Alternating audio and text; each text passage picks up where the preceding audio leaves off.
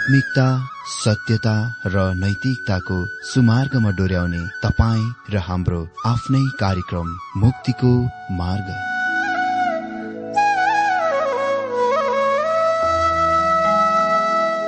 आदरणीय श्रोता यस मुक्तिको मार्ग कार्यक्रममा हार्दिक स्वागत छ। आशा छ यस आत्मिक कार्यक्रमद्वारा जीवनमा आत्मिक आशिष अलौकिक शान्ति र आनन्द प्राप्त गर्नुहुनेछ। र जीवनमा धन्य अनुभव गर्नुहुनेछ। आउनुहोस् श्रोता। मन र आत्माको तयारीको लागि यो मिठो अनि मधुर भजन गीत सुनौ।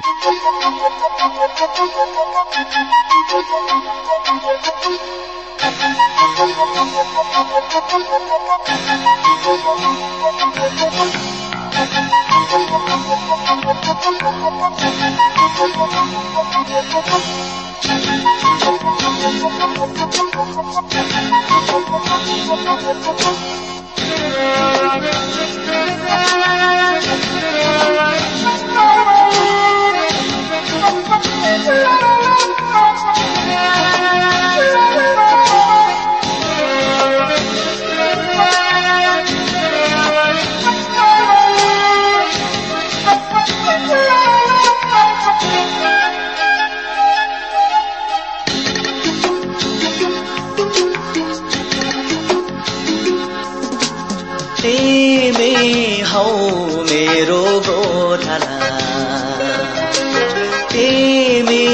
हौ मेरो सहारा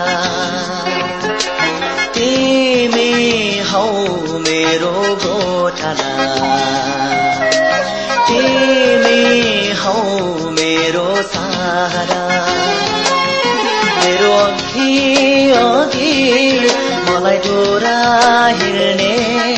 मेरो आँसुलाई पुछे मलाई माया गर्ने। मेरो अघि अघि मलाई डोरा हिँड्ने। मेरो आँसुलाई पुछे मलाई माया गर्ने। तिमी हौ मेरो गोठाला तिमी हौ मेरो सहारा। जय जयकार। जय जयकार जय जयकार गर्छु यसो तिम्रो जय जयकार प्रशंसा प्रशंसा प्रशंसा। गर्छु यसो तिम्रो प्रशंसा। महिमा महिमा महिमा। गाउँछु यसो तिम्रो महिमा तिमी हौ मेरो गोठाला तिमी हौ मेरो सहारा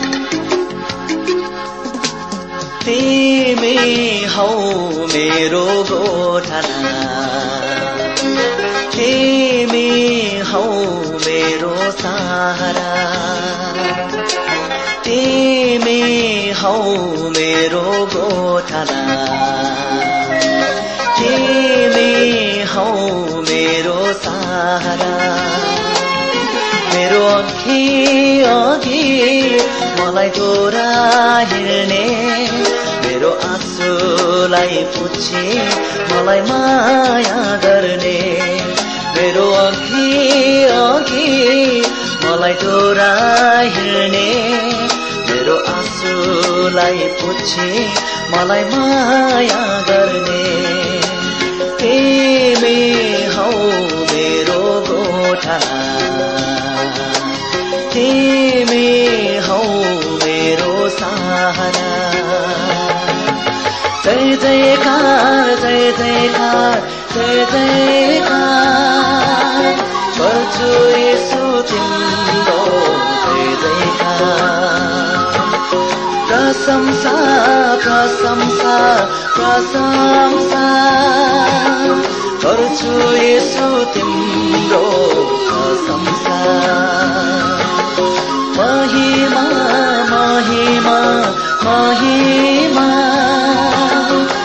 गाउँछु यसो तिम्रो महिमा तिमी हौ मेरो गोठला तिमी हौ मेरो सहारा तिमी हौ मेरो गोठला तिमी हौ मेरो सहारा मेरो गोठला मेरो सहारा मेरो गोठला मेरो सहारा।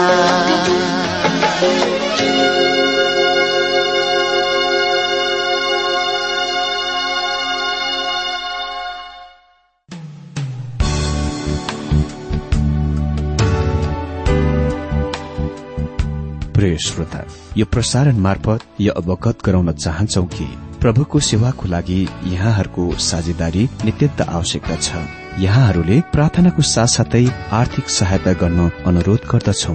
तपाईँहरूको सानो भन्दा सानो भेटी किन नहोस्? हामी प्रभुको नाममा स्वीकार गर्नेछौ। प्रभुको सेवाको लागि। तपाईँहरूको यो सानो लगानीले कसैको जीवनमा भिन्नता ल्याउँछ? अनि प्रभुको महिमा हुन्छ। प्रभु तपाईँहरूलाई महान गरी आशिष दिनुहुनेछ। इच्छुक श्रोताहरूले तपाईँको इच्छा भेटी हाम्रो ठेगानामा पठाउन सक्नुहुन्छ जुन ठेगाना हामी कार्यक्रमको अन्तमा दिनेछौं। प्रिय श्रोता मित्र प्रभु येशु ख्रिस्टको मधुर अनि सामर्थ्यनामा मेरो जयमसी। साथै हार्दिक स्वागत छ आजको यो बाइबल अध्ययन कार्यक्रममा। श्रोता आज हामी बाइबल अध्ययन आमोस छ अध्यायबाट अध्ययन गर्न गइरहेका छौं। आमोसले यो अध्यायलाई धिक्कार शब्दसँग आरम्भ गर्दछन्। तपाई यो शब्दलाई धेरै पल्ट अन्य बाइबलका पुस्तकमा उल्लेख भएको पाउनुहुन्छ। यसको साधारण अर्थ हो रोक हेर र सुन। किनभने यो कुनै त्यस्तो कुरा हो जुन धेरै महत्वपूर्ण छ। धिक्कार त्यो शब्द हो जुनले हाम्रो विशेष खास ध्यानलाई त्यस कुरातिर खिच्दछ जुन पछि पछि जाँदछ। आमोस छ ध्येय एक पदमा लेखिएको छ धिक्कार तिमीहरूलाई जो सियोनमा निर्धक्कसित रहन्छौ र तिमीहरूलाई जो सामर्यको डाँडामा आफू सुरक्षित ठान्छौ तिमीहरू प्रथम जातिका ख्याति प्राप्त भएका मानिसहरू जसका इसरायलका मानिसहरू आउँदछन्। निश्चय नै सियोन दक्षिणी राज्य यहुदामा थियो। यसकारण राष्ट्रको दुवै भाग यहुदा र इसरायलको यहाँ सम्बोधन गरिएको छ। सियोन धर्मको केन्द्र स्थान थियो। परमेश्वरको मन्दिर त्यहाँ थियो। अनि सामरिया शक्तिशाली राष्ट्रको मुख्य नगर र राजधानी थियो। धिक्कार तिनीहरू जो सियोनमा सुखसित रहन्छन् तिनीहरू समृद्धताको दिनमा विलासितामा रहिरहेका थिए। तिनीहरूलाई जो सामर्यको पर्वतमा निश्चिन्त बस्छन् सामर्य चाहिँ उत्तरी राज्य इसरायलको राजधानी थियो जहाँ आहाब र इजेबेल त्यहाँ रहन्दथे। त्यहाँ सुन्दर हात्ती दाँतका महलहरू बनाइएका थिए। सामर्यको पर्वतले त्यस्तो उक्तम प्राकृतिकको किल्ला गणहरूको प्रदान गरिदिएको थियो कि त्यो सहर यो पतन हुँदाभन्दा पहिले नष्ट हुनभन्दा पहिले तीन वर्षसम्म असुरीहरूद्वारा घेरिएको अवस्थामा थियो वा तिनीहरूको घेराबन्दीको विरुद्ध उभिन सकेको थियो जब असुरीहरूले तीन वर्षसम्म त्यो सहरलाई घेराबन्दी गरेको थियो। सामर्य त्यस्तो महत्वपूर्ण सहर थियो। असुरीहरूले त्यसको नष्ट गरेपछि हेरोदले पछिबाट त्यसको निर्माण गरे। हेरोद गृह निर्माताको रूपमा प्रसिद्ध थिए। उसले पूरा पलिस्तिनभरि धेरै नै बिल्डिङ महलहरू बनाए। उसले सामरिया सहरको पुननिर्माण गरे किनभने त्यो अति नै सुन्दर स्थान थियो। यो सम्पूर्ण विलासिता र उक्तम किल्ला गढहरू भएको कारण इसरायल अति नै सुरक्षित भएको आभास गरे। त्यसकारण तिनीहरू निश्चिन्त रहेका थिए। जातिहरूका श्रेष्ठ जातिका ती प्रसिद्ध मानिसहरू जसका इसरायलका घरना आउँदछन्। प्रसिद्ध मानिसहरू सम्भवत इसरायलका शासकहरूको संकेत हुन सक्छ जो उच्च श्रेणीका मानिसहरू र अधिकारका मानिसहरू थिए। यी ईश्वरहीन अधर्मी र दुराचारी अनि बेपरवाह राष्ट्रको उच्च अधिकारीहरू कहाँ शासकहरू कहाँ इसरायलीहरू न्याय इन्साफ र सहायताको लागि आए। तर तिनीहरूका शासकहरू त खालि आफ्नै आराममा सुखविलासितामा र मोज मजामा र स्वार्थमा मात्र रुचि लिँदथे। दुई पदमा लेखिएको छ कल्नेमा गएर त्यहाँ हेर त्यहाँबाट महान हमातमा जाऊ त्यसपछि पलिस्तीहरूको गातमा जाऊ के ती राज्यहरूभन्दा तिमीहरू असल छौ र? के तिनीहरूको भूमि तिमीहरूको भन्दा ठूलो छ र? कल्ने सहरमा गएर हेर। कल्ने एक त्यो सहर हो जुन टाइग्रिस नदी र माथिल्लो जाब नदीको कटाव वा दोभानको बीच स्थानमा स्थित छ। निन्बे त्यहाँ थियो अनि कल्ने त्यहाँ थियो र त्यस क्षेत्रले एक महान सहरको स्थापन गरेको थियो। त्यहाँबाट त्यो ठूलो सहर हमातमा जाऊ हमात आराम अर्थात् सिरियाको मुख्य सहर हो। हामी अहिले दक्षिणतिर गइरहेका छौं। त्यसपछि पलिस्तियरको गात भन्ने सहरमा जाऊ। गात दक्षिणतिर पलिस्तिनमा स्थित छ र पलिस्तीहरूको प्रमुख सहर थियो। के ती यी राज्यहरूभन्दा असल छन् र? अथवा के तिनीहरूको सिमाना तिमीहरूको सिमाना भन्दा ठूलो छ र? अर्को शब्दमा हो गएर यी अन्य राष्ट्रहरूलाई हेर। किन तिमीहरू सोच्दछौ कि यी राष्ट्रहरू भन्दा तिमीहरू श्रेष्ठ छौ? तिमीहरू श्रेष्ठ छैनौ। तिमीहरू उही पापहरूमा लिप्त भएका छौ जुन पापमा तिनीहरू लिप्त भएका छन्। अनि तिमीहरूका उत्तरदायित्व अझ झन धेरै ठूलो छ। तिनीहरूसँग परमेश्वरबाट कुनै प्रकाश छैन। तर तिमीहरूसँग परमेश्वरबाटको प्रकाश छ। अहिले आमुसले इसरायलको दुई राष्ट्रिय पापहरूको उल्लेख गर्दछन्। यिनै दुई पापहरू हुन् जुनले उत्तरी राज्य इसरायललाई पतनमा ल्यायो अनि तिनै पापहरूले दक्षिणी राज्य यहुदालाई पनि पतन गराएको थियो अनि तिनै पापले मिश्रलाई पतन गराएको थियो। ग्रिसलाई पतन गराएको थियो र रोमलाई पनि पतन गराएको थियो। तिनै पापहरूले धेरै महान राष्ट्रहरूलाई पतन गरेका थिए। त्यही नै कारण फ्रान्स र ब्रिटेन आज दोस्रो दर्जाका राष्ट्रमा आएका छन्। त्यहाँ एक समय थियो ब्रिटिसको बारेमा यो भनिन्दथ्यो ब्रिटिस साम्राज्यमा कहिले पनि सूर्य अस्ताउँदैन तर यो आज त्यसको सम्बन्धमा भन्ने सान्दर्भिक कुरा छैन। यी दुई राष्ट्रिय पापहरू हुन् अनि तिनै पापहरूको लागि परमेश्वरले राष्ट्रहरूलाई दण्ड दिनुहुनेछ इन्साफ गर्नुहुनेछ। अनि तीन पदमा लेखिएको छ तिमीहरू दुःखको दिन पन्छ्याउँछौ त्रासको राज्य नजिक ल्याउँछौ। इसरायलीहरू भनिरहेका थिए दण्डको दिन आइरहेको भए तापनि तर त्यो नजिकमा छैन। हामीले यसको बारेमा चिन्ता लिइराख्न आवश्यक छैन। त्यही नै कुरा हिजो हिचकियाले यसैयालाई भने। जब यसैयाले उसलाई दक्षिणी राज्यमा परमेश्वरको दण्ड आइरहेको कुरा र तिनीहरू कैदमा लगिने कुरा बताए हिचकियाले भने के यो मेरो नै दिनमा घट्ने छ त? यसैयाले भने अह यो तपाईँको पालामा घट्ने छैन हुने छैन। अनि हिचकियाले पनि जो महान राजा थिए भने त्यसो भने ठिकै छ। अ ती दुई पापहरू के हुन् जुनले राष्ट्रलाई नष्ट गर्दछ पतन गराउँदछ।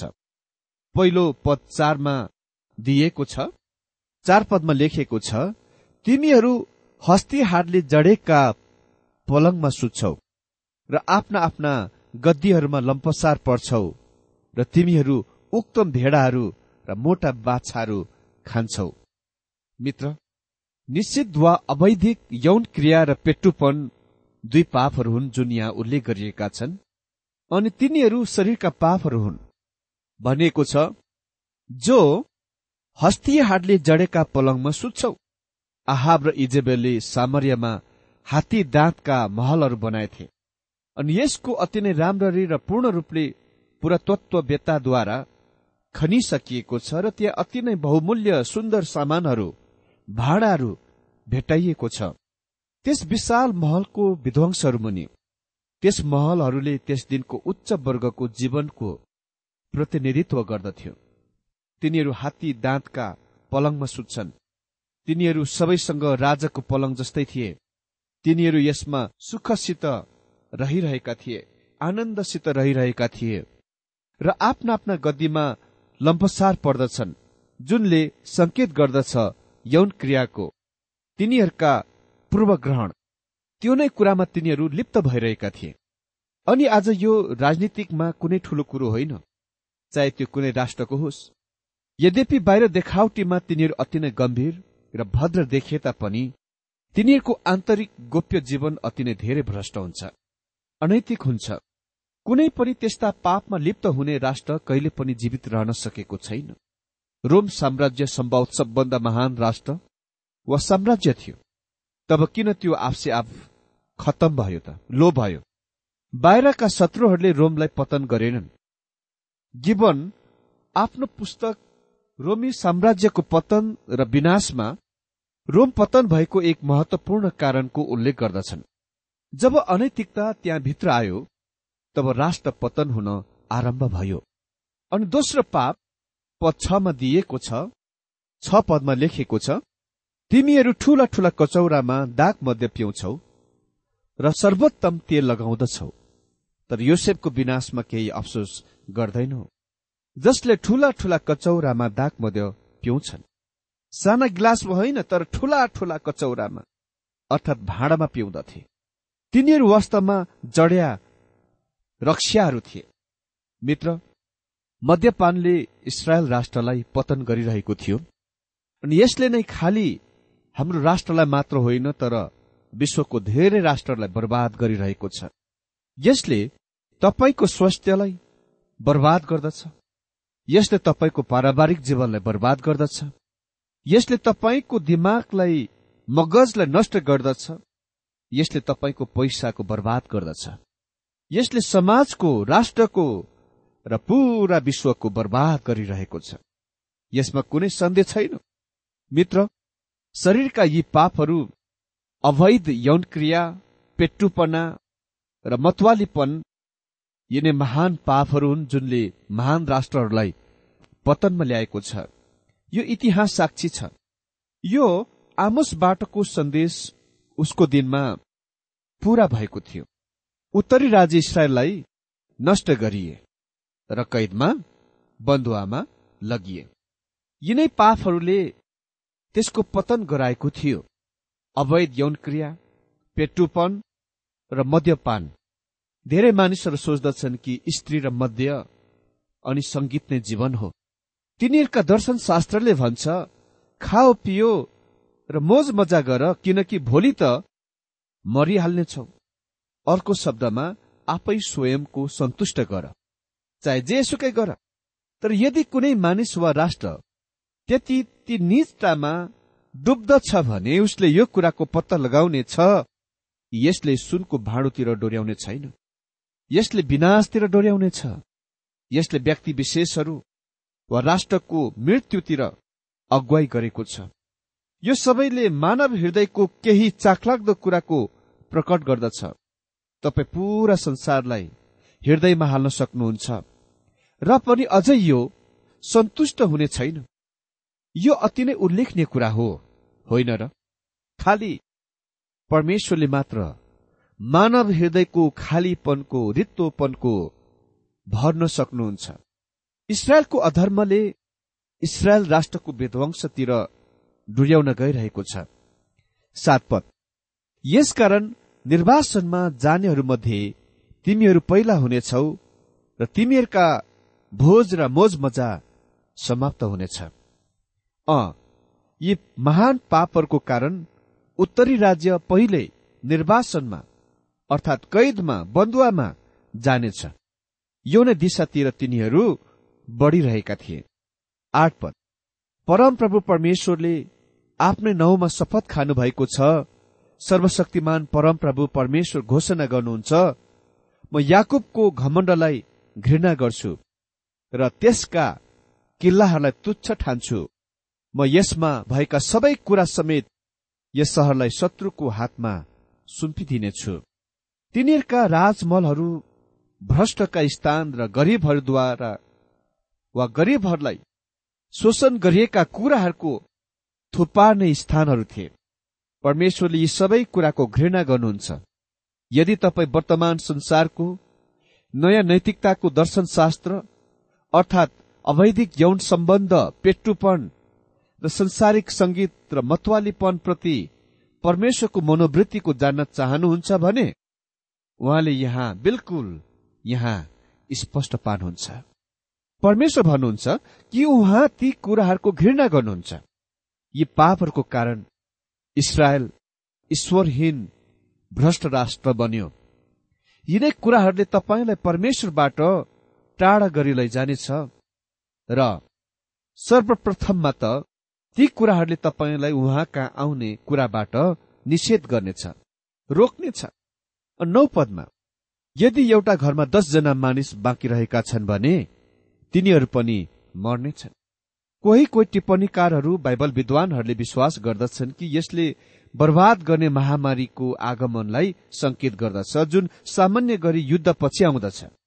दश पद जब कसैको कुटुम्बले जसले लासहरू जलाउनेछ घरभित्रबाट लास निकाल्न भनी आएर त्यहाँ लुकेकालाई तिमीसित अझ अरू कोही छ? भनी सोध्छ। अनि उसले जवाब दिन्छ अह छैन। तब त्यसले भन्नेछ चुप लाग हामीले प्रभुको नाउँ लिनु हुँदैन।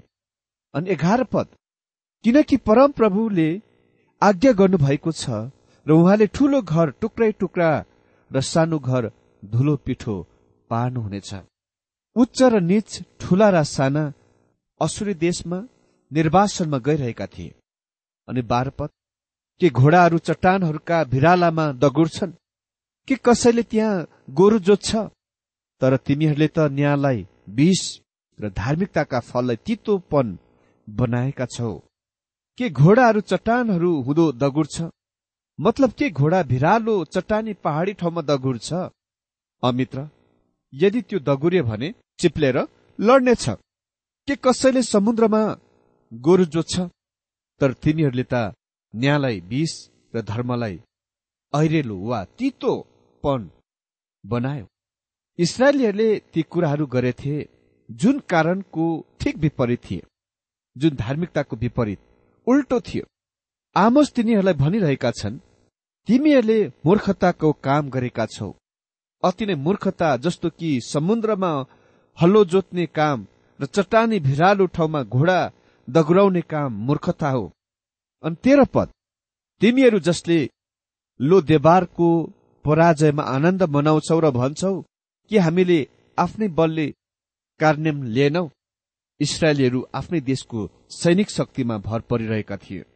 अनि चौध पद हे इसरायलका घरना हो सर्वशक्तिमान परम प्रभु परमेश्वर भन्नुहुन्छ म तिमीहरूका विरुद्धमा एउटा यस्तो जाति सुर्याउनेछु जसले तिमीहरूलाई लेबो हमाददेखि लिएर अरब्बाको समय अत्याचार गर्नेछ। मित्र यहाँ उल्लेखित शत्रु असुरीहरूको राजा हो जसले तिनीहरूलाई वा यी मानिसहरूलाई बन्दुवामा कैदमा लानेछ।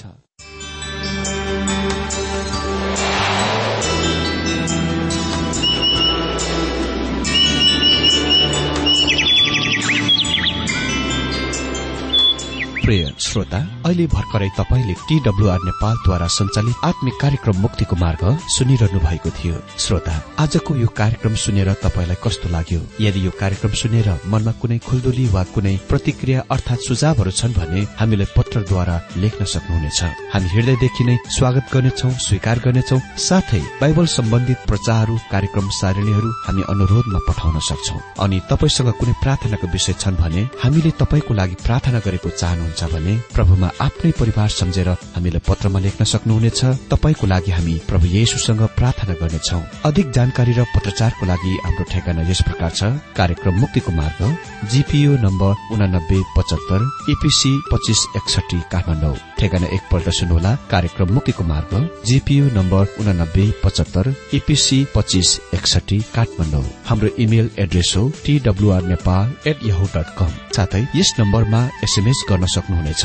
अन्ठानब्बे चार सत्तरी पैतिस छ सय उनासी नौ आठ चार सात जिरो तीन पाँच छ सात नौ। हुन्छ श्रोता आजलाई हामी विदा चाहन्छौ। अर्को कार्यक्रममा हामी पुनः भेट्नेछौ तबसम्मलाई नमस्कार।